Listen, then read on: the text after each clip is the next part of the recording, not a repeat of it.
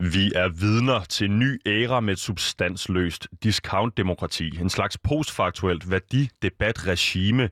Et affaldskredsløb af følelseshistorier på sociale medier, Twitter-historier og konflikt, hvor mange politiske partier lever af at iklæde sig kejserens nye klæder, som hurtigt hurtige museklik aldrig får os til at opdage. Den politiske idérigdom er over en længere periode gået i total forrådnelse. Jeg valgte at læse statskundskab og arbejde på Christiansborg for at dykke ned i de politiske forslag, der viser, hvordan vi skaber muligheder for børn, uanset deres baggrund. Men politik er en hendøende tradition på Christiansborg. Sådan skriver dagens gæst Emil Slot Andersen i sit seneste debatindlæg i Politikken. Øhm, goddag og velkommen til programmet Udråb, som i dag skal handle om dansk politiks forfald, et substansløst discount-demokrati. Det har dagens gæst nemlig en holdning til. Han er Kantian Pol og kandidat til borgerrepræsentation for Radikale Venstre. Velkommen til, Emil Slot Andersen. Og jeg skal lige tænde for dig der. Velkommen til, Emil. Tak skal du have. Øh, kandidat til borgerrepræsentationen. Er det første gang, du bestemte sig? Ja, det er det sådan set. Så øh, det er jo enormt spændende og en øh, helt ny verden med noget, man lærer øh, ekstremt meget af. Øh, så det bliver enormt spændende at se, hvordan det ender. Og hvad vil det betyde for dig, hvis du bliver valgt ind? Det vil betyde, at jeg har muligheder for at realisere nogle af de ting, jeg snakker om, og jeg kan dykke ned i substansen, og jeg får faktisk modsætning til, til Folketinget, hvor man måske har to år eller noget den stil, skal tænke på, på det næste valg og så videre planlægge, så har jeg faktisk ro i øh, fire år til at snakke med organisationer, til at dyrke min vision, til at sætte mig ned i stoffet, tale med borgere og virkelig få realiseret nogle, nogle forandringer, som kan skabe øh, muligheder for børn og unge. Okay, det lyder godt, Emil. Øh, øh, I det her øh, citat, jeg lige læser op, der er et direkte citat fra øh, dit debatindlæg i politikken. Øh, du får kaldt du får kaldt det en slags postfaktuel værdidebatregime, et affaldskredsløb af følelseshistorie på sociale medier.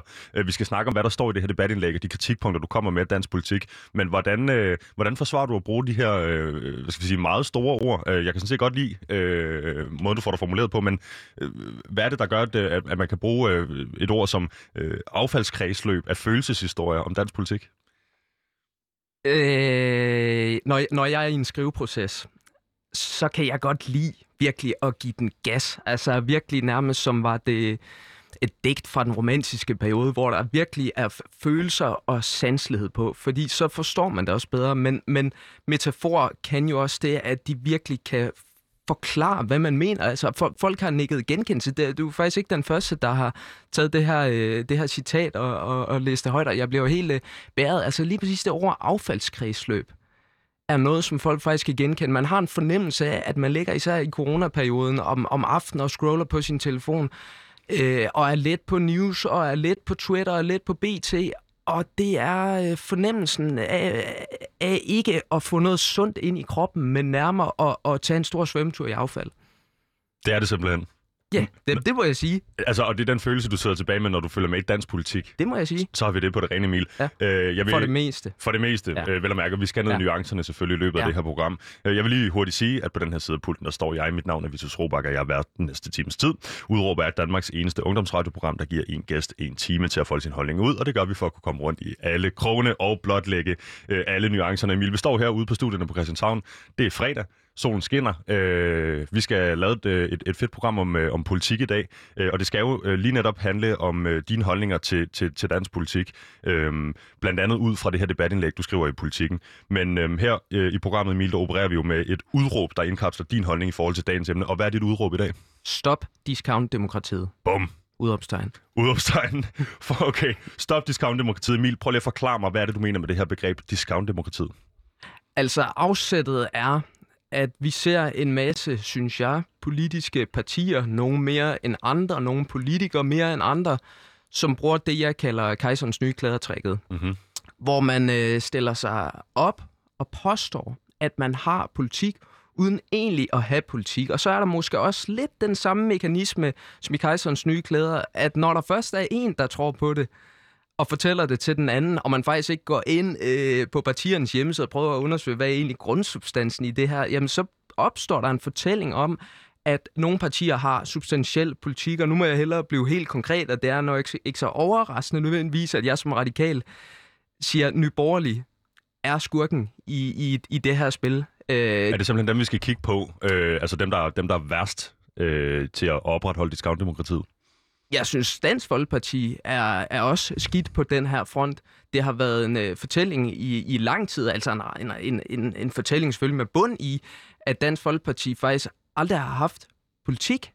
Der er en masse BT øh, og ekstrabladsforslag, sådan vilde idéer om, at man skal, man skal putte øh, udlændinge op til Grønland. Nu, nu tager jeg bare lige noget af det, der ligger i mit baghoved, men når man faktisk går ind på, på deres hjemmeside og prøver at læse om, det er jo sådan, jeg ser en politisk plan, altså for eksempel en 2030-plan, som man kender den fra Liberal Alliance, som jeg da gerne vil rose, hvor man har en lang tidshorisont, man fortæller, hvilke udgifter man bruger, hvilke indtægter man har. Det ser jeg som en substansplan. Og det er ikke noget, man får hos Dansk Folkeparti, og det er heller ikke noget, man får hos uh, Nye Borgerlige. Nye Borgerlige har sådan en idé om, at vi skal have en selskabsskat på 0, og vi skal have en uh, personskat på maks 40 procent. Og man vil finde indtægterne til den her plan, man vil skrave pengene ind øh, ved at tage øh, offentlig forsørgelse fra borgere i Danmark, som ikke er danske statsborgere. Så er der lige den lille parentes, at det sandsynligvis er i konflikt med grundloven. Noget andet, altså det kan, det kan nok ikke realiseres for at sige det lige ud. Noget andet, man så vil gøre, det er at, at, at skære i den offentlige sektor, reducere den offentlige sektors størrelse, men man forklarer ikke helt konkret, hvor meget man gør det med. Og det, den, den anden lille del i kejserens nye klæder trækket, og det synes jeg er en nødvendig nuance at få med, noget som jeg tror rigtig mange partier dyrker, det er, at man giver journalisterne det, som de vil have. Mm-hmm. Hvad vil vi have, Emil? nu, og nu taler jeg ikke, selvom jeg ved, du ikke er ømskinnet, så sp- taler jeg ikke specifikt om dig, men rigtig mange journalister vil have bål og brand og konflikt, Følelseshistorie, det er det, danskerne klikker på, det er det, der giver annonceindtægter. det er det, de politiske kommentatorer tænder på. Jamen, vi, kan jo, øh, vi skal ikke længere, langt længere tilbage end i uh, går aftes, Emil, eller går eftermiddags, hvor jeg sad, øh, vi skal finde på det her udråb til programmet, hvad det, er, du skal, hvad det er, du skal sige. Det er jo noget, gæsten skal komme med i vores format, og jeg vil jo gerne have dig til at gøre det så kortere og, og, og klikbart som muligt i virkeligheden. Ja. Øh, så når jeg kan få dig til at sige, øh, stop discount-demokratiet, så synes jeg jo, det er fantastisk som journalist. Så jeg tænker ikke, du tager helt fejl, øh, men jeg tænker jo også, at, øh, at øh, jeg vil stille dig et andet spørgsmål, nemlig, hvordan undgår vi, fordi en del af, af din kritik af discount-demokratiet er jo også, hvordan det bliver behandlet. Du, du var lige inde på det her med, hvordan øh, medierne og politik går i, i samspil.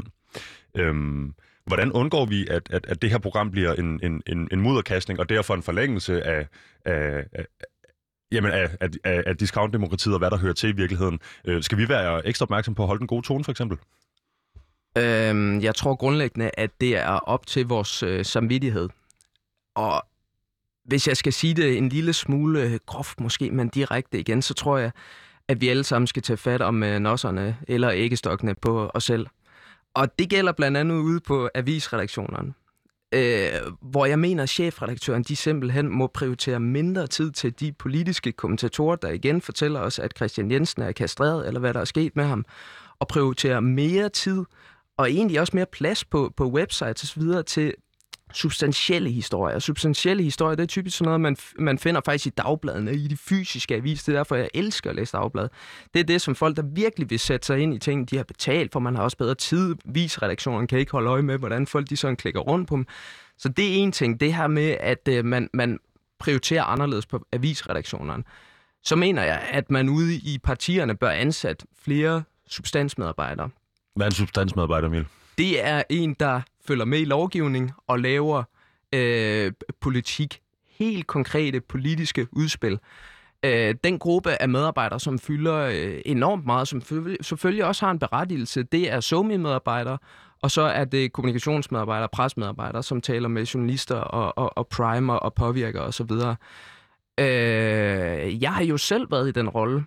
Øh, jeg har i et eller andet omfang haft en rolle, hvor jeg både har været med til at udforme politik, og bagefter har skulle sælge den.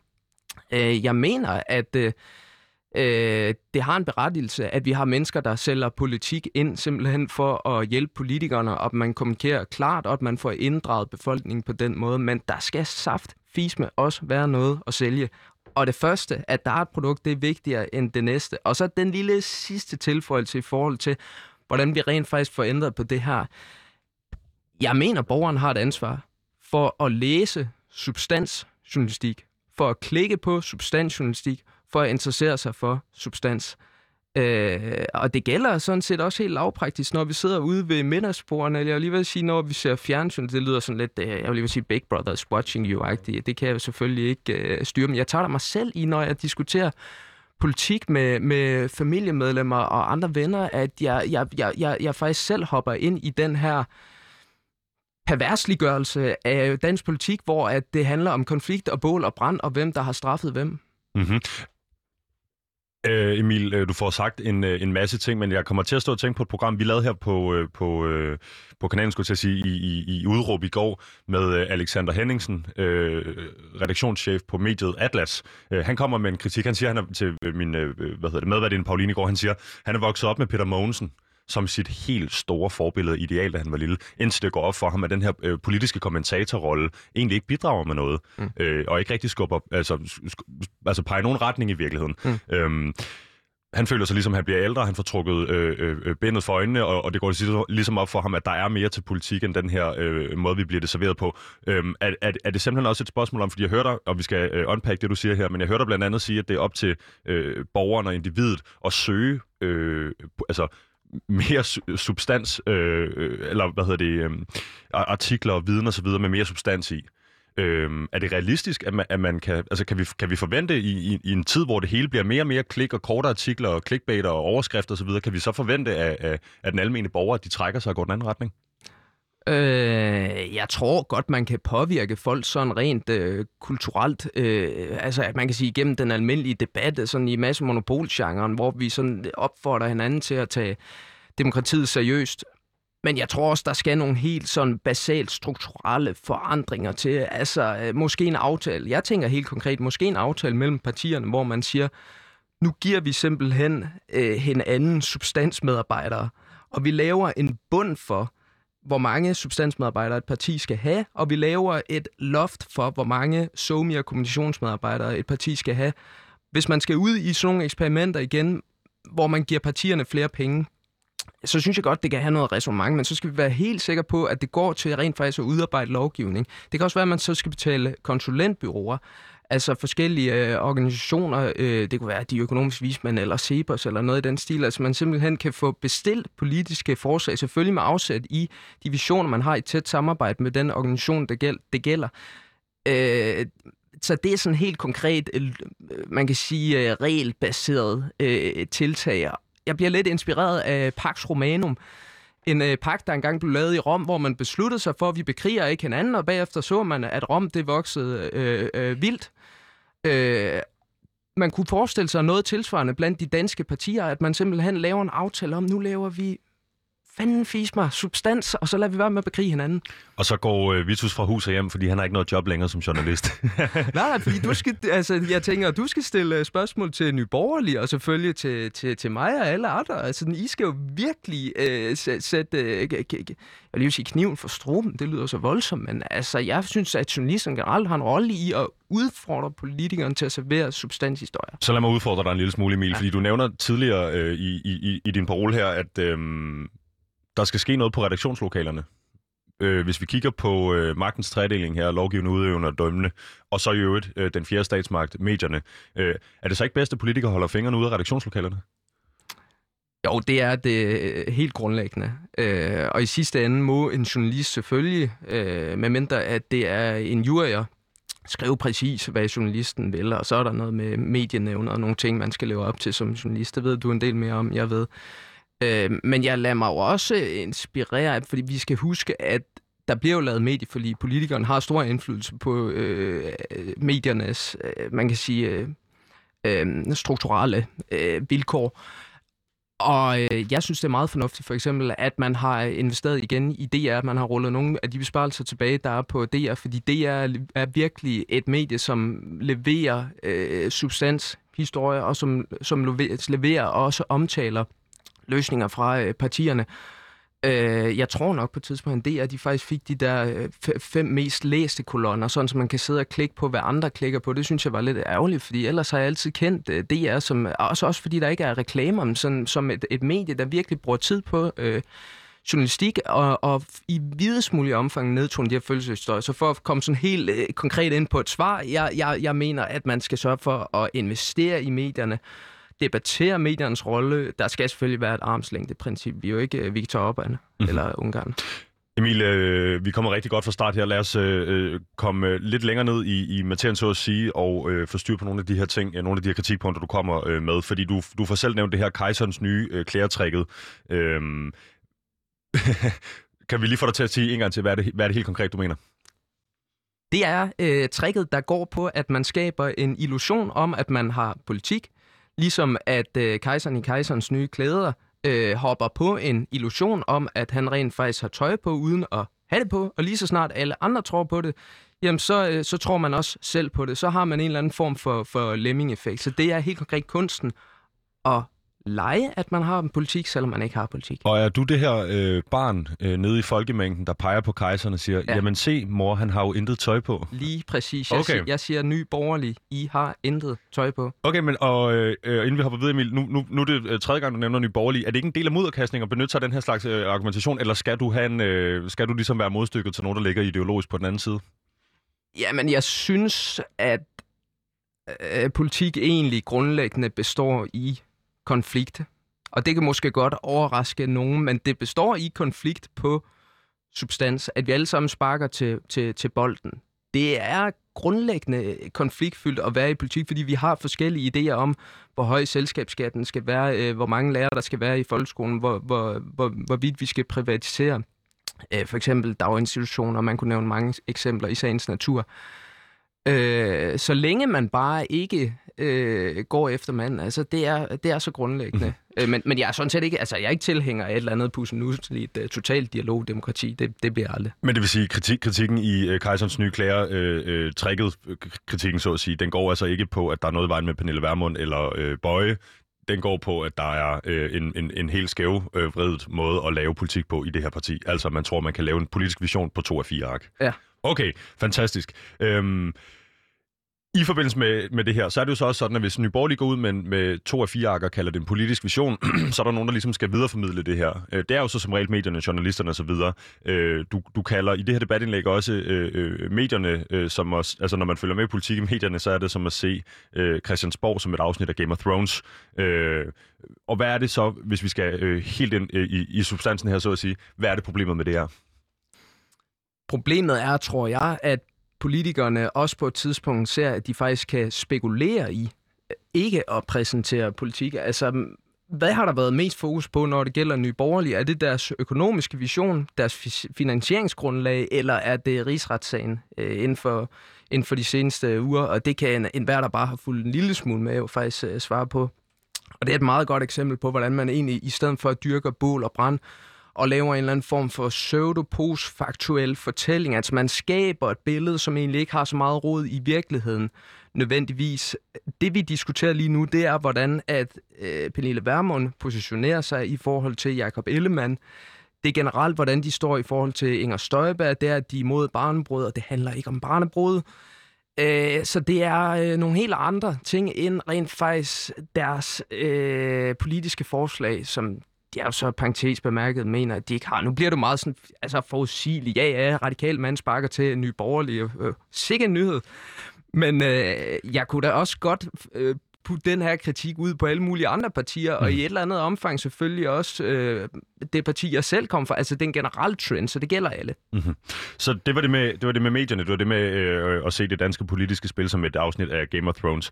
Øh, så er der det her med mangel på konkrete tal og planer, det har vi været igennem. Altså, øh, man kan ikke komme med en politisk vision på... Jo, men måske man kan komme med øh, introen til den politiske vision på to af fire ark, men øh, der vil altså ikke være øh, plads til tal og, og, og, og substans, som du gerne vil have det på, på så korte politiske visioner. Så er der det her med øhm, øh, rigtige politiske projekter, du også nævner. Øh, hvad er et rigtigt politisk projekt? Sikke et øh, avanceret spørgsmål. Et rigtigt politisk projekt, helt grundlæggende, synes jeg vil gå, gå ud på øh, som radikal, at man skaber et Danmark, der er et mulighedens Danmark, hvor at ens baggrund ikke bestemmer ens fremtid. Så helt konkret, hvis jeg nu skulle komme med mit bud, fordi jeg mener faktisk, man, man, man savner det i et eller andet omfang. Jeg, jeg trækker jo selvfølgelig på historikken i mit eget parti, og de strømninger, jeg ved, der stadig er i, øh, i mit eget parti.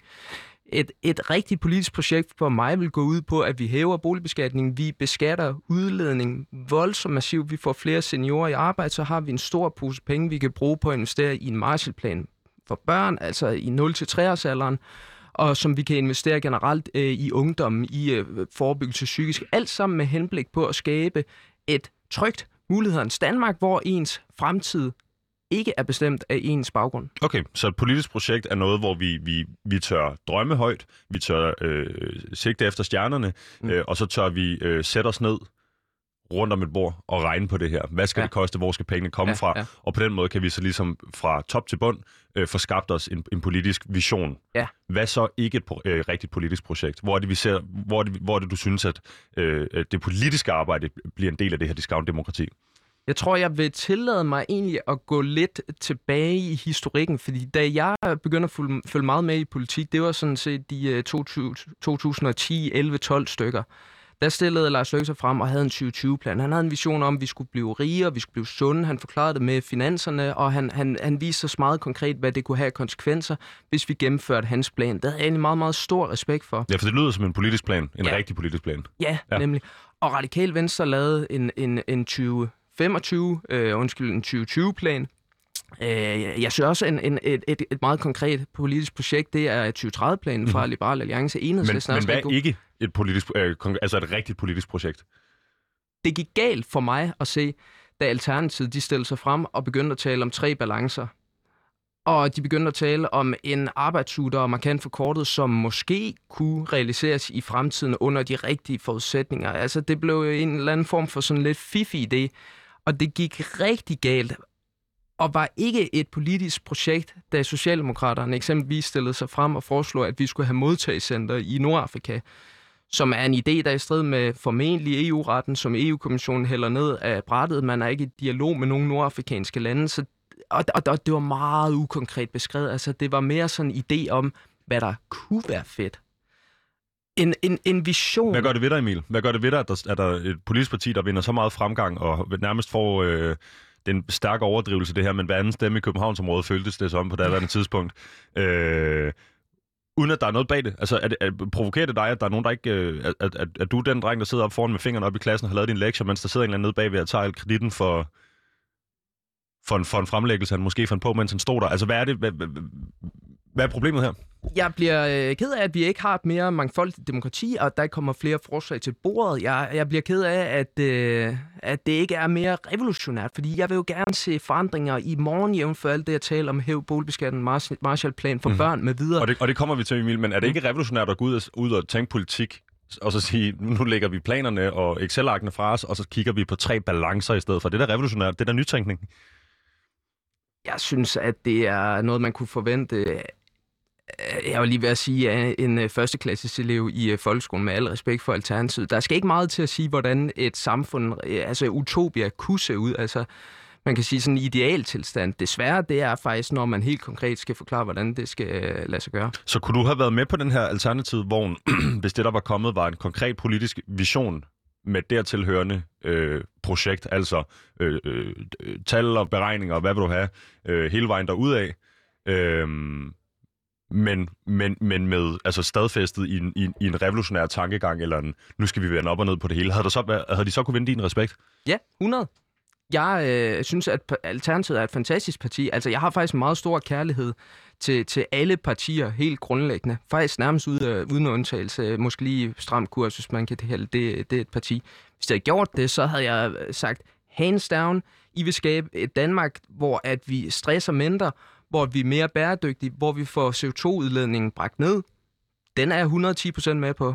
I skal bare lige forklare mig, hvordan det kan lade sig gøre, uden vi skal smadre velfærden i små stykker. Godt. Jeg tror, jeg er med på, hvor der er, du vil hen nu, fordi vi skal, vi skal videre til det sidste øh, sådan, øh, kritikpunkt fra øh, øh, det her debatindlæg, øh, og, og lad os gå dybt med det også for guds skyld, øh, for guds skyld hedder det, øh, Emil, fordi øh, noget af det, jeg finder rigtig interessant i det her debatindlæg, du skriver, det er øh, brugen øh, af det videnstunge demokrati. Brug af vismand, du nævner selv tidligere Sebers, øh, det kan være andre øh, tænketanker og typer, der ved, hvad de egentlig taler om, øh, som øh, modstykke til politikerne, som, øh, i, i, som jeg læser dit debatindlæg, i hvert fald ikke altid ved, hvad de taler om. Hmm. Øhm, er det din oplevelse, at politikere ikke rådfører sig med eksperter og autoriteter, inden de laver politiske visioner? Hvis jeg sådan skal bedømme på det, jeg læser, så i et eller andet omfang, ja. Og der kan jeg give et helt konkret eksempel. Nu har øh, regeringen lige øh, stillet sig frem med et udspil, der handler om, at vi i højere grad skal tvangsfjerne børn. Vi skal give øh, børn flere rettigheder til at blive øh, hørt øh, i det tilfælde, at det skulle komme på tale og tvangsfjerne den. Det er stor sympati for. men det er de aller, aller mest udsatte børn. Der synes jeg jo personligt, det er meget mere interessant selvfølgelig at lytte til de organisationer, øh, der har med børneområdet at gøre. Det gælder Red Barn, det gælder børns vilkår osv. Men også det forskerindspark, der ligger blandt andet i Rockwool-fonden, øh, Trykfondens Børneforskningscenter, øh, James Heckman Equation-fonden, det er en amerikansk fond, som helt konkret kan fortælle os, at vi faktisk ikke i dag får skabt, social mobilitet for den sådan store, brede masse af, af Danmark.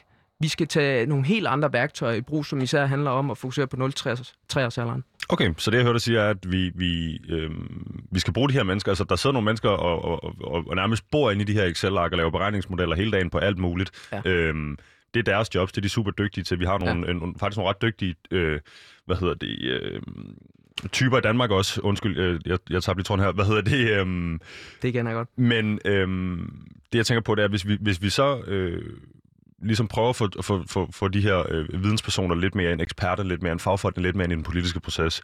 Øh, skulle du så ikke som politiker blive bange for, at øh, du på en eller anden måde bliver irrelevant, eller vi lige så godt bare kun kunne benytte os af, af eksperterne og, og fagfolkene? Øh, øh, altså på en eller anden mærkelig måde, så, så øh, synes jeg, at der er noget sådan sjovt, fantastisk i ideen om, at jeg som politiker vil blive lidt mere irrelevant og at eksperterne vil begynde at fylde en lille smule mere. Altså at vi lyttede til de økonomiske vismænd i høj grad på, på det økonomiske område. Vi lyttede til klimaområdet, øh, okay, hvad hedder det, øh, eksperterne på klimaområdet, når det handler om, hvordan vi skaber grøn omstilling, råd for grøn omstilling blandt andet. Altså, det vil jeg faktisk ikke øh, have meget imod nødvendigvis. Selvfølgelig i sidste ende, så er der nogle helt sådan grundlæggende spørgsmål om, hvilket samfund vi vil have, men vejen derhen kan eksperterne meget effektivt hjælpe os med. Altså, lad mig give det helt konkret eksempel. Klimarådet øh, kan fortælle os, at det mest effektive i forhold til at reducere CO2'en lige nu, det er at skabe energieffektivisering i bygninger. Det diskussionen i medierne i høj grad handler om, det er alle mulige forskellige forslag, øh, som øh, bøfskat, eller hvad vi skal kalde det. Det er skat på, på, på, på flyrejser. Det er alle mulige andre, sådan meget, man kan sige, følelsesladede dagsordner. Jeg synes også, der er en eller anden tendens til på klimaområdet, at man... Øh, nu, nu, nu, nu har I jo havremælk herinde, øh, og jeg skal ikke sige et ondt ord om havremælk, men, men er der nogen, der kan forklare mig helt konkret, hvad havremælk egentlig øh, gavner på den bæredygtige front? Altså, det, det, det er sådan nogle spørgsmål, som, som øh, man kan sige, havremælken vil dominere på, på, på Instagram, øh, mens at det faktisk er øh, energieffektivisering i bygninger, som er mest effektiv i forhold til at skabe et bæredygtigt samfund mål på CO2. Hvorfor mm. er der ikke en masse, der går ud og poserer øh, i, jeg skulle til at sige, bare røv med en masse øh, rockuld? Det, det kunne både være et skægt indslag, og det vil skabe, øh, man kan sige, incitamenter til at få energieffektiviseret i bygninger. Hvorfor gør du det ikke selv? Det kunne da godt være, jeg skulle. Jeg, jeg tror bare sådan noget rockuld, det stikker en smule. Det stikker en smule, men vi skal, ja. vi skal nok få det til at ske, hvis du virkelig gerne vil, Emil. Hvad hedder det? Ja. Øhm, jeg ved, du også selv, da vi snakker øh, sammen i går, øh, har et konkret eksempel på, på det her med forskning og, og, og politisk handling øh, omkring noget forskning fra Tryk, Trykfondens Børneforskningscenter. Mm. Øh, du mener, at debatten om tvangsfjernelse er lidt skæv, fordi evidensen og øh, organisationerne ikke øh, for alvor peger på, at det er vejen til social mobilitet. Kan du prøve at tage det her eksempel? Nu ved du lige bruger klimaet, men øh, du er jo også på, øh, stærk på, på, på børne- og ungeområdet. Kan du prøve at forklare os det her eksempel, og så forklare os, øhm, hvordan det er, man kunne, kunne inddrage forskningen, og hvad det er, der bliver gjort lige nu i stedet for? Ja. Jeg øh, så det som en eller anden form for, lad os sige, politisk gen, genfødsel, da jeg øh, hørte et oplæg fra Trykfondens Børneforskningscenter, hvor øh, der også var en øh, person, Rasmus Landersø, som forsker i Rockwool-fonden, øh, og som er i tæt, tæt tilknytning til James Heckman, som er Nobelprisvindende forsker. Man sige, hele det her hold af forskere, det er øh, en mængde af personer, som har en idé om, som er evidensbaseret, altså hvor man kan finde statistisk bevis for det, men har en idé om, at vi skal opbygge folks færdigheder, forældres færdigheder i 0-3 alderen. Når det gælder forældrene, så skal vi gøre det allerede før børnene bliver født, altså eksempelvis gennem forældrekurser. De har en serie af meget konkrete anbefalinger, som jeg godt kunne tænke mig, at man i morgen samlede i det, jeg kalder en Marshallplan for børn på 0-3 års område. Og det er helt konkret øh, sådan noget som forældrekurser øh, for at tage den, for at gøre det meget, meget konkret. Man har allerede eksperimenteret, blandt andet i øh, North Carolina, der startede det tilbage i øh, 70'erne i USA med forældrekurser, altså 10-12 undervisningsmoduler, hvor nogle af kurserne de kommer allerede før, at man har øh, født barn eller før parret har fået øh, barn. Den her model har spredt sig til Sverige. Der har man Lexand-modellen. Så den spredt sig blandt andet til Holstebro i Danmark. Der har man familie med hjertemodellen. Så den spredt sig til alle mulige andre kommuner. Og det man ser, det er, at man forbedrer trivselen markant for de allermest udsatte børnegrupper. Forældrekurser kunne jeg helt konkret godt tænke mig, at man øh, substitueret, støttet via en pulje fra Folketingets side, gjorde det fuldstændig gratis for kommuner og selvfølgelig også for forældre at deltage i de her kurser om, hvordan man får, øh, hvordan man, man udvikler børn motorisk, øh, mm-hmm. emotionelt. Emilie, jeg stopper dig lige, fordi det her, det er jo, øh, du efterlever din egen kritik meget godt her. Mm. Det er meget konkret. Øh, det er helt ned i, i, i, hvad du kunne tænke dig at gøre. Men hvad er det så, du oplever, der bliver gjort i stedet for? Hvad, altså, øh, det er jo ikke, der er ikke nødvendigvis øh, politisk øh, enighed omkring det her konkrete projekt, men hvad er det, der sker på børneområdet øh, og børnetrivsel, i stedet for, at man, at man går ud og lytter på evidenseksperter? Det, der for mig er sket lige øh, præcis på børneområdet, det er, at vi har en debat, der i utrolig høj grad centrerer sig omkring, hvordan vi kan fjerne flere børn fra deres hjem. Øh, og man måske også har en eller anden tendens til at i et eller andet omfang udskamme forældre og, og fortælle dem, hvad vi gør, når først, at der er bål og brand i hjemmet. I stedet for at øge deres evner til, forbedre deres evner til at være øh, gode forældre. Altså alle er jo selvfølgelig gode forældre helt inde på bunden, men øh, der er måske nogen, som i praksis øh, har, en, eller det er der, som i praksis har en måde at være forældre på, som vi ikke kan acceptere som, som samfund. Og Mette Frederiksen, hun stiller sig jo øh, frem i en, øh, altså intet ringere en nytårstal, som får meget eksponering og sagde, jeg vil tvangsfjerne flere børn. Det var den seneste nytårstal, så det er lidt over et år siden. Så vidt jeg husker, det var i hvert fald en nytårstal. Det kan også godt være, at det var den lidt over to år siden. Det er også, øh, det er også lige, bare så jeg ikke står her og laver fake news i, i radioen. Men i hvert fald bagefter... Det, øh, det er Ja, super. Nå ja, det er årsskiftet 19 til 20, det tror du er ret. Jeg kan lige til at sige det til min producer i stedet for. Men ja. Ja. Vi finder ud af det, Emil. Så, så er vi, vi, vi, finder, vi, finder, vi finder ud af det. Fortsæt den. Skide godt, skide godt. Og det, der sker øh, bagefter, det er, at organisationerne de stiller sig frem på stribe og siger, der er ikke rigtig dokumentation for, at vi får skabt mere social mobilitet, hvis vi tvangsfjerner flere børn. Det er ikke noget, organisationerne på den måde har ligefrem råbt og skrevet om. Der er en masse andre, hvis man spørger Trykfondens Børneforskningscenter, Rockwool Centeret, Heckman Equation, øh, Rockwool Fonden hedder det. Øh, der er en masse andre metoder til at skabe social mobilitet. Dem, dem vil jeg da hellere, at man kaster blikket i retning mod. Okay, så det, det, det her er ikke en, en, en, en, som jeg hørte, det er ikke en kritik af øhm, den her løsning, som man måske også en, en færre kritik vil være, at det bliver lidt et plaster på såret, i stedet for at gøre noget ved roden af problemet, ja. at vi tvangsfjerner dem efter det er sket. Du ja. kommer med en, en, en, en, en, en løsning, der er funderet i evidens og forskning osv. Mm. Øhm, det, det, det er vel så meget godt. Altså, så har vi, så har vi billedet her af, hvad der bliver gjort, kontra hvad det er, du gerne vil. Ja. Øhm, hvis vi nu, øh, og det er lidt det samme spørgsmål, som jeg stiller dig før, men hvis vi nu går over og, og, og, og lytter mere på de her vismænd, øh, altså hvis vi spørger dig, skulle vi så ikke vide i virkeligheden over til en anden slags demokratisk styreform, altså øh, teknokratiet eller metokratiet, hvor øh, øh, vismænd, eksperter, forskere osv. spiller en meget mere afgørende rolle. Øh, du sagde før, du ville være okay med at skulle træde lidt tilbage øh, som politiker. Øh, altså det synes jeg jo er fantastisk at høre fra en politiker, at, at, at, at den i virkeligheden gerne vil at den ikke er der for the limelight, men er mm. der for at lave øh, politisk håndværk. Det er jo fantastisk at høre som stemme, eller som øh, vælger hedder det. Mm. Øhm, men, men, men hvor langt kan I træde tilbage? Altså, hvornår vil det være bedre i virkeligheden at smide jer alle sammen på porten, og så øh, kun lytte til dem, der i, i virkeligheden ved noget om det? Øh, igen synes jeg, det er essentielt, at vi skældner, man kan sige, mellem målene, som politikerne selvfølgelig de skal diskutere, og som vælgerne skal stemme i forhold til, altså hvor stor skal den offentlige sektor være? Øh, hvad prioriterer vi højst? Er det, at vi får bekæmpet klimaforandringerne, eller er det, at vi får skabt øh, social mobilitet? Uh, på det udlændingepolitiske spørgsmål, der kan man heller ikke komme bort fra, at det er øh, værdispørgsmål, sådan helt grundlæggende i sin essens, mener jeg.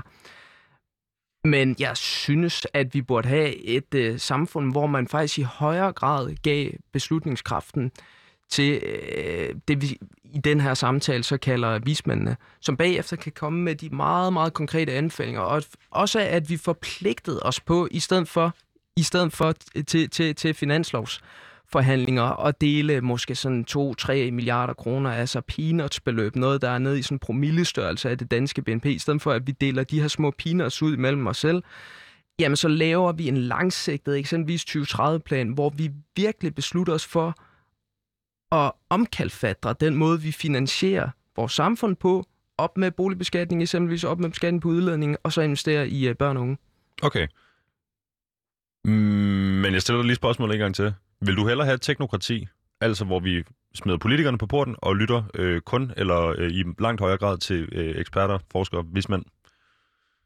Nej, ikke, ikke et fuldtonet teknokrati. Det har jeg svært ved at forestille mig, fordi i, i, i sidste ende, så vil det også indebære, at man ligesom tager valghandlingen ud af ligningen. Øh, der vil altid være en konkurrence mellem forskellige synspunkter og, og partier sådan grundlæggende, men i et eller andet omfang har vi jo selvfølgelig allerede et, et, et teknokrati eller et ekspertvalg. Jeg mener, øh, at man godt faktisk kunne rykke lidt mere i den retning. Mm-hmm. Det er selvfølgelig altid super essentielt, at man er i dialog med borgeren. Det mener jeg ikke, man er bedst gennem Instagram, eller hvis man putter makralmadder på sin Instagram. Og vi skal til det, Emil, lige om lidt, men jeg kunne godt lige tænke mig at stille et spørgsmål, fordi jeg står herinde øh, og overvejer, øh, mens jeg hørte dig snakke om øh, øh, en, en ung politisk øh, spiller på vej til, øh, forhåbentlig for dit vedkommende, borgerrepræsentationen. Øh, født i 90'erne. Vi har ikke nogen øh, krige, os to. Øh, jeg er også fra 90'erne, jeg er fra 95. Mm. Vi har ikke nogen, altså vi øh, hvide heteroseksuelle ciskønnede mænd, det er ikke lige vores debat, der er varm for tiden. Nej. Er det her en måde, altså er der, er der et eller andet, tror du, i dig som person, som menneske bag politikeren, der har brug for et stort projekt? Et eller andet, man kan, at man kan øh, altså, kaste al sin øh, energi og tid ind i, øh, i, i, i, i, i en tid, hvor øh, Øh, din og min krise som øh, mand måske ikke er super relevante?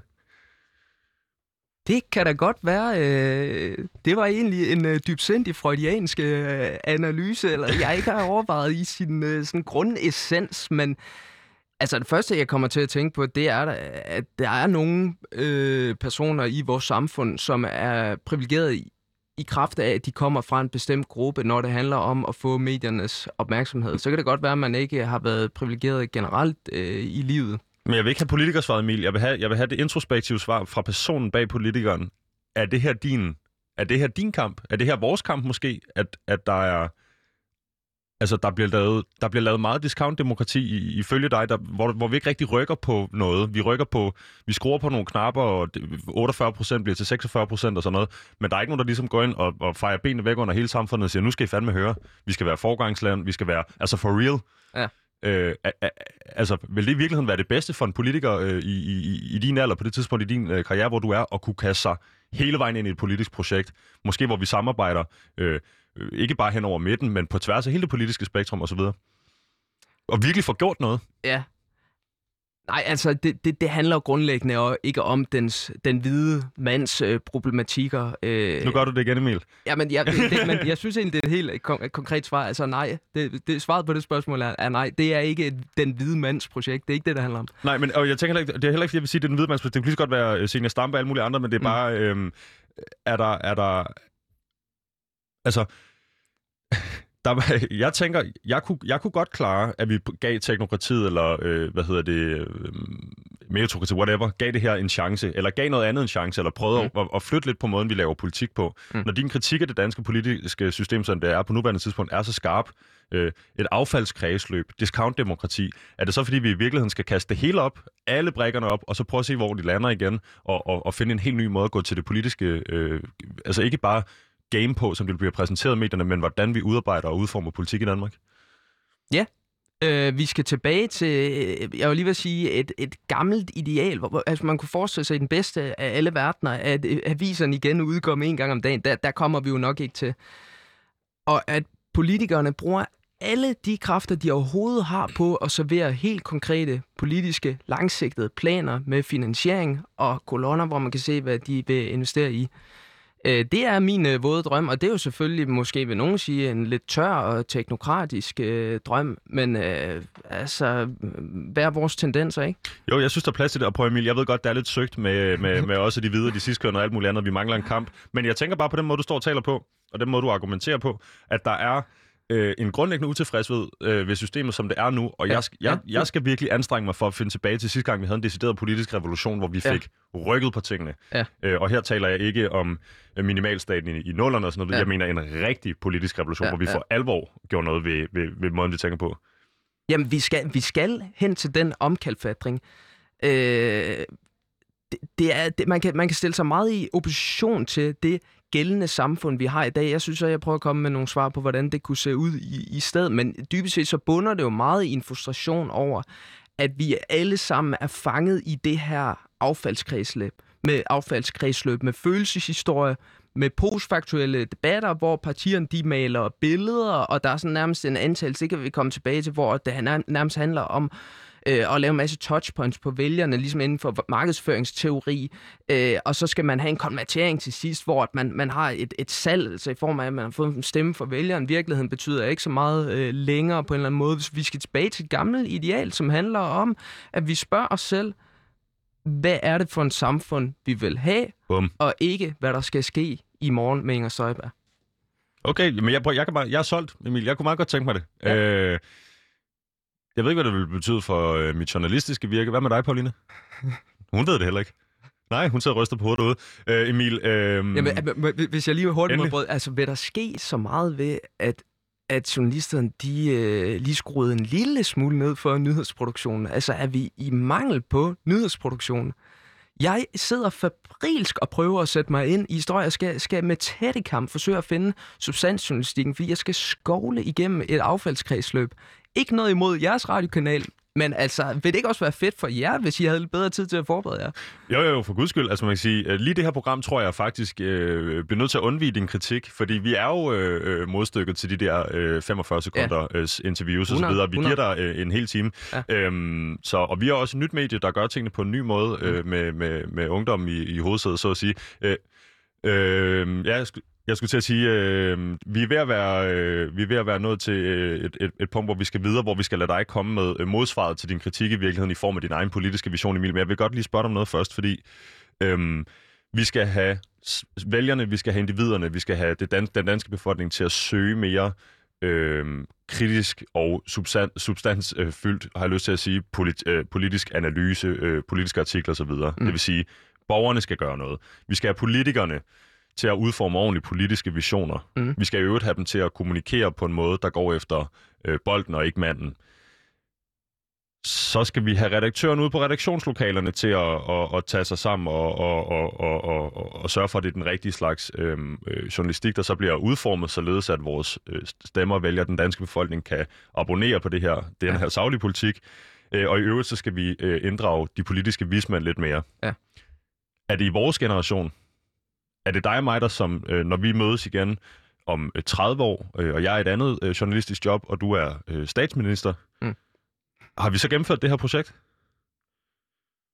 Fordi det er godt nok mange ting, vi skal... Altså, det, det er en lang, du har en lang liste af ting, vi skal ændre det, på her. Jeg vil håbe, du kunne få ret, øh, ja, Emil. Ja. Men, men, men er det realistisk? Er det den her generation, eller skal du bare have bolden til at rulle på en måde, der gør, at de kan overtage de næste generation, og så videre, og så videre? Vi kan kæmpe for det alt, vi kan. Jeg er jeg tror simpelthen ikke, at vi kommer i retning af et mere substansorienteret demokrati. Øh, det har også noget at gøre med, øh, altså dels kan man bare se på trenden sådan helt øh, generelt, øh, hvor at det bliver mere polemisk, det bliver mere bål og brand. Det har også noget at gøre med, at de sociale medier fylder mere. Vi har ikke øh, talt så meget om de sociale mediers øh, rolle, så jeg er en lille smule, øh, det skriver jeg også øh, helt starten af mit indlæg, desillusioneret. Øh, men vi skal saft fis med gøre os, gøre vores bedste. Og, og jeg tror, det er vigtigt, at man ikke bare bliver sådan, fordi jeg kunne jo også godt uh, selv hver eneste dag smide mig ind i kun værdidebatten og bål og brandhistorier, og lade være med at sætte mig ind i 0-3 området, børneområdet, fordi jeg ved, at det er egentlig ikke der, der er mest opmærksomhed at, at hente. Men hvis vi alle sammen tænker på den måde, så ender vi i et mere substansløst discount-demokrati. Så let har også ret. Vi skal hver dag gøre vores mange begge mange begge små gør en stor å. Vi skal hver dag gøre vores for at øh, forvalte vores demokratiske ansvar godt. Og jeg holder lige for et kort øjeblik på, på, på, på din politiske vision, fordi du nævner det selv, øh, Emil, øh, det her med sociale medier. Før var det en, en, en der, eller der, vi har ligesom været igennem kritikken af, af medierne og mediernes rolle i alt det her. Øhm, men der er jo også det her med øh, de sociale medier, du har været du er inde på det i debatindlægget, du har rørt lidt ved det flere gange i løbet af dagens program. Altså simpelthen så er der ansat folk ude i de politiske organisationer, øh, som er øh, med til at, at, at jeg tror, du får det formuleret retning af at drive rov på vores neurale netværk, eller sådan noget den stil. Altså, de ved, hvad det er, de skal, hvad er det for nogle følelser, de skal aktivere, for at vi mm. deler, klikker, liker osv. Mm. Øhm, kan vi kort vi hurtigt, hurtigt få din, øh, din, din, din, din brandtal for, hvorfor det, øh, hvorfor det er en, en, en skævvredet måde, og skævvredet måde at hvad hedder det, bedrive øh, politik på? Ja, altså sociale medier og de sociale mediealgoritmer, og nu har vi jo et ungt øh, publikum, så, så det er noget, mange er bekendt med, men er helt grundlæggende lavet på den måde. Jo mere interaktion man får, jo mere vil et opslag også sprede sig. Det, der giver interaktion, det er følelser, det er voldsom vrede, eller det er voldsom, faktisk også heldigvis voldsom optimisme. Men det er ikke substans og eftertænksomhed nødvendigvis, der giver interaktion. Det, der giver mest, det er, hvis man får delinger, dernæst kommer så kommentarer, og dernæst kommer almindelige reaktioner, likes eller de der sure smiley'er osv. Og så er der også en komponent, hvor lang tid folk de opholder sig ved opslaget. Det er også derfor, øh, har jeg i hvert fald en idé om, at politikerne i høj grad lægger øh, meget flatterende selfie, selfies ud øh, af sig selv, sådan at man virkelig kan sidde og nærstudere øh, deres øh, ansigtsmimik med videre, eller, eller baggrunden i deres hjem osv. Øh, det betyder bare helt grundlæggende, at vi ikke prioriterer lige så meget i partierne, og det er en helt generel kritik, at lave udspil og lave løsninger, men der bliver koncentreret ufattelig mange kræfter i partierne på at lave kommunikation, især Facebook-opslag, øh, som, som skal fremprovokere flest mulige følelser. Og problemet er også, det, det er sådan lidt en længere... Nu havde du Camilla Sø fra Venstres øh, Ungdom og Venstre inde her for nylig. Hun satte fokus på, at det er forholdsvis skævt, når politikere, hvilket man godt kan få en mistanke om, at, at de gør, de stiller sig ned i folketingssalen, øh, når det gælder meget alvorlige øh, forslag, eksempelvis Rigsretskommissionen, og, og kommer med de her punchlines og har aftalt det på forhånd med kommunikationsmedarbejdere, sådan så at man kan få det øh, fremprovokeret og promoveret bagefter. Det er simpelthen den forkerte rækkefølge. Det skal ikke være sådan, at man laver sin politik efter, hvad der kan kommunikeres. Man skal starte med at lave sin politik, og så skal man kommunikere den. Det blev knap så kort. Det er ganske udmærket. Jeg forstår, øh, jeg forstår til fulde din pointe. Emil, øh, nu skal vi til det, jeg har lovet både dig og lytterne, vi skulle til. Nemlig, øh, du er kommet med en øh, godt og vel 47 minutter lang kritik i det danske politiske system, som det ser ud. Jeg har øh, stukket lidt til dig i forbindelse med, om øh, du og jeg i virkeligheden står mangler en plan, og den plan kunne være at revolutionere det politiske system. Men øh, du har jo en anden måde at gå til det her på. Du har jo en kritik, du rejser, og så har du så en anden fremgangsmetode, en måde du selv vælger. Og en af de ting, der ligesom står aller tydeligst for mig, eller aller klarest for mig, det er øhm, noget, du sagde lige før. Du siger nemlig, jeg er interesseret i børne- og øh, ungeområdet. Ikke måske noget, der er super sexet, ikke måske, eller måske noget, der ikke får så super mange likes osv., men du gør det, fordi det er en vigtig dagsorden, og fordi du gerne vil være med, være med til at skubbe på den dagsorden. Så øh, Emil, øh, jeg ved, hvad din vision er. Jeg ved, hvad din, øh, dine punkter er. Jeg kommer til at stille dig, øh, eller bede dig om at forklare det øh, så relativt kort du kan, så vil jeg også gerne bede dig om at forklare, hvorfor det står øh, som svar, så at sige, til den kritik, du rejser det politiske system. Øh, din helt store vision, du har nævnt det et par gange, tidlige investeringer. Ja. Hvad er det for noget? Øh, jeg har, man kan sige, to to dele af den her vision, altså både tidlige investeringer på 0-3 års område, og mere forebyggelse blandt børn og unge generelt. Og for dem, der ikke ved det, hvad er 0-3 års område? Det, er, det er øh, børn i 0-3 års alderen, Simpelthen. helt konkret.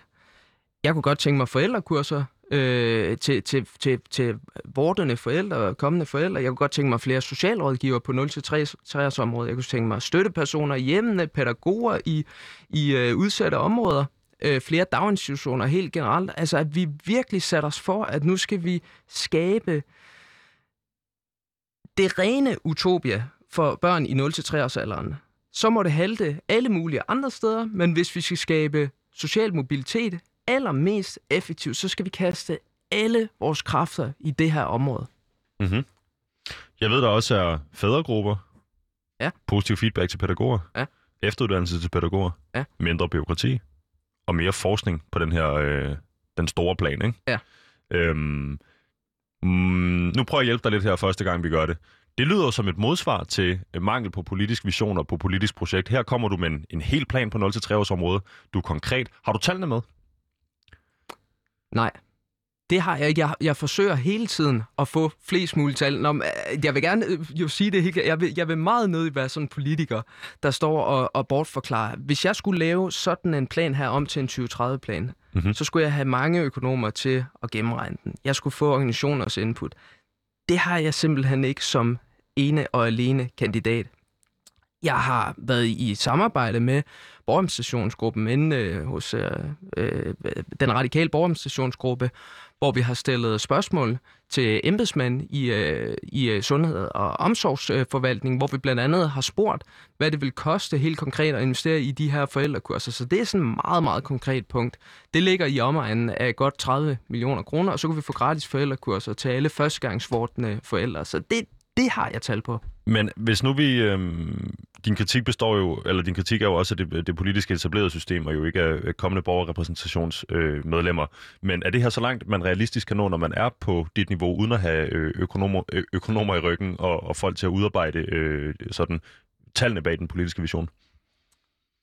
Jeg kunne godt, hvis jeg øh, virkelig brugt alle mine vågne timer på det, øh, bede alle mulige bekendtskaber om at, at regne på det, Hvad heldig, at øh, der vil sidde nogle af mine økonomvenner. Jeg kunne lede alle mulige notater igennem.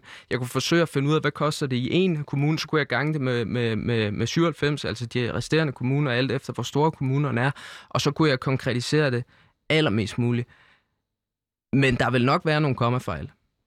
Øh, og der er også et spørgsmål om finansiering, om at vi har et anlægsloft, øh, altså en begrænsning på, øh, hvor, hvor meget man vil bygge. Der er en kæmpe pulje i Københavns Kommune, anlægspuljen, enormt mange penge, som man ikke kan realisere øh, og bruge på sociale formål på den almindelige velfærd. Så det er jo en kæmpe udfordring. Så der er også spørgsmål om finansiering. Det er sådan noget, der skal klares med de resterende partier. Jeg vil virkelig ønske, at jeg kunne stille mig frem med en 2030-plan for hele Københavns Kommune med klar finansiering, klare udgifter, men jeg har også så meget, kan man sige, ydmyghed, at jeg godt ved, at der skal en masse fageksperter ind over, og det skal aftales med andre partier. Men det vil sige, at du kommer med den klare øh, vision her, når du bliver øh, forhåbentlig for dig valgt ind, Mm. så er det, øh, vi går i gang med at udarbejde øh, kroner og øre. Ja. Er det sådan der? Absolut. Med den helt klare første prioritet, at vi skal have indført forældrekurserne fra dag et. Det er number one for dig. Ja. En anden ting, der er på, øh, på din øh, plan her, øh, psykisk sårbarhed blandt unge. Ja. Hvad er, øh, hvad er visionen? Visionen er, at vi får gratis mindfulness-kurser til alle unge. Jeg har selv deltaget øh, på et mindfulness-kurs, kursus, som er... Meget, det er meget radikale venstre, det her. Jeg kan godt lide det. Ja, det er det i høj grad. Det er on-brand. Ja, som, er, som var ledet af, af, af leder af Center for Mindfulness, Lone Fjordbak, øh, som jeg ofte taler med, og hun kommer med utrolig mange inputs, øh, og har, har forsket i det her område længe, og, og jeg synes, det er fantastisk. Alle de perspektiver, der ligger i, hvis man gav gratis mindfulness til alle. Mind, mindfulness, bare for at komme meget kort omkring det, det er ideen om, at vi ser, sådan, sådan kan jeg godt lide at tænke på det, vi ser på vores følelser som vinden. Vinden kommer og går, den kan tage til i styrke, den kan aftage, øh, men den vil aldrig være ved i den form, den nu kommer til os. Mm-hmm. Og det handler om, at man grundlæggende får en eller anden form for sund distance også til nogle af de her øh, følelsesvende, der kan ramme en. Er det ensomhed, eller er det raseri, er det øh, komplekser hvad det er. De følelser vil altid være der, men vi er ikke direkte vores følelser. Øh, nu kom jeg lidt langt ned af, af, af mindfulness-stilen, men hvis man havde en ordning helt grundlæggende i Københavns Kommune, hvor man kom med opsøgende mindfulness-kurser til ungdommen, gav redskaber, som bevisligt reducerer øh, mistrivselen blandt ungdommen, så slap vi også for bagefter at skulle prøve måske at kunne finde psykologtimer til dem, eller at sende dem i psykiatrien, hvor de bagefter vil havne ude på den rå asfalt. Så det, det er en forebyggelse. Emilie, jeg stopper dig, fordi jeg synes, det lyder som et, øh, en, en fantastisk øh, politisk vision. Jeg er all for it. Øh, I øvrigt, øh, hvis det er gratis, øh, så kan de her unge mennesker også spare en masse penge på psykolog. Ja, Øh, og det er sindssygt afslappet. Og det er enormt afslappende, det vil Ja. jeg godt stå inden for. Emil, øh, vi, når ikke, øh, vi når ikke meget mere. Jeg kunne godt lige tænke mig at høre, hvis nu man har siddet derude og, og, og lyttet til den her podcast eller den her radioudsendelse og tænkt, hold kæft, hvor er han bare øh, nuanceret, hvor han er god til at argumentere sin sag. Hvor er det så, man skal følge med hen? Jamen, øh, så kan man følge med på øh, min Facebook-profil, hvor jeg lægger nogle videoer ud i en 2-3 minutters øh, længde. Øh, jeg har lagt en video ud om øh, mindfulness. Jeg har også lagt en video ud om noget så alternativt som, at vi skal give bedre vilkår til B-mennesker.